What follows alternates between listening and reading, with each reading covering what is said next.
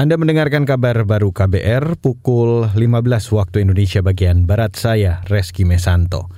Saudara Wakil Presiden Maruf Amin meminta media massa menyajikan konten yang mendidik. Menurutnya, hal itu penting dilakukan untuk membantu memberi pemahaman kepada masyarakat di tengah perkembangan teknologi, semisal terkait penggunaan media sosial dan lain-lain. Pernyataan itu disampaikan Wapres saat Konvensi Nasional Hari Pers Nasional 2022 hari ini. Pemerintah mengupayakan keseimbangan ekosistem media di tanah air, termasuk kesetaraan di muka hukum, equality before the law.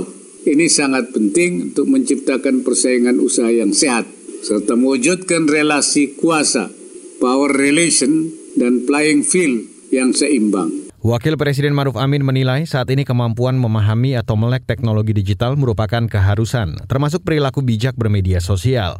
Kata dia, media massa harus membantu menyediakan konten-konten mendidik untuk tujuan tersebut. Sementara itu masyarakat juga harus bisa menguasai teknologi digital agar bisa mengimbangi kemajuan global.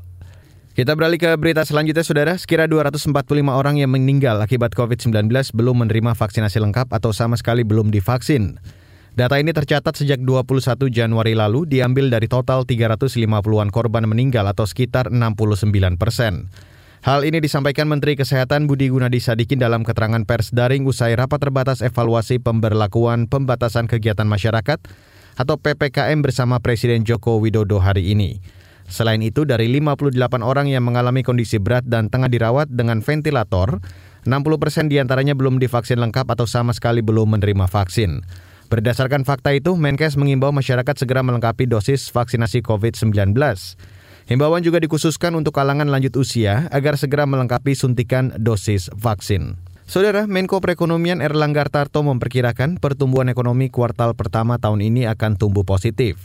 Erlangga juga optimis ekonomi masih tetap akan berjalan meski Indonesia sedang mengalami gelombang ketiga kasus COVID-19 varian Omicron. BPS mengumumkan bahwa pertumbuhan kita di tahun 2021 year on year 3,69 atau 7 persen dan di kuartal keempat 5,02 persen. Nah tentu kita melihat bahwa di pertumbuhan di kuartal pertama tahun lalu itu kita masih minus 0,7 persen dan tentu kita berharap bahwa di kuartal pertama tahun ini kita bisa dorong di atas 5 persen. Menko Perekonomian Erlangga Tarto menambahkan, pertumbuhan ekonomi Indonesia hingga akhir tahun nanti diperkirakan bisa lebih tinggi dibandingkan tahun lalu atau berada di kisaran 4,7 sampai 5,6 persen. Sebab pada tahun ini pemerintah telah menyiapkan anggaran untuk pemulihan ekonomi nasional, yakni sekira 450-an triliun rupiah. Dari jumlah itu, 178 triliun di antaranya untuk penguatan ekonomi.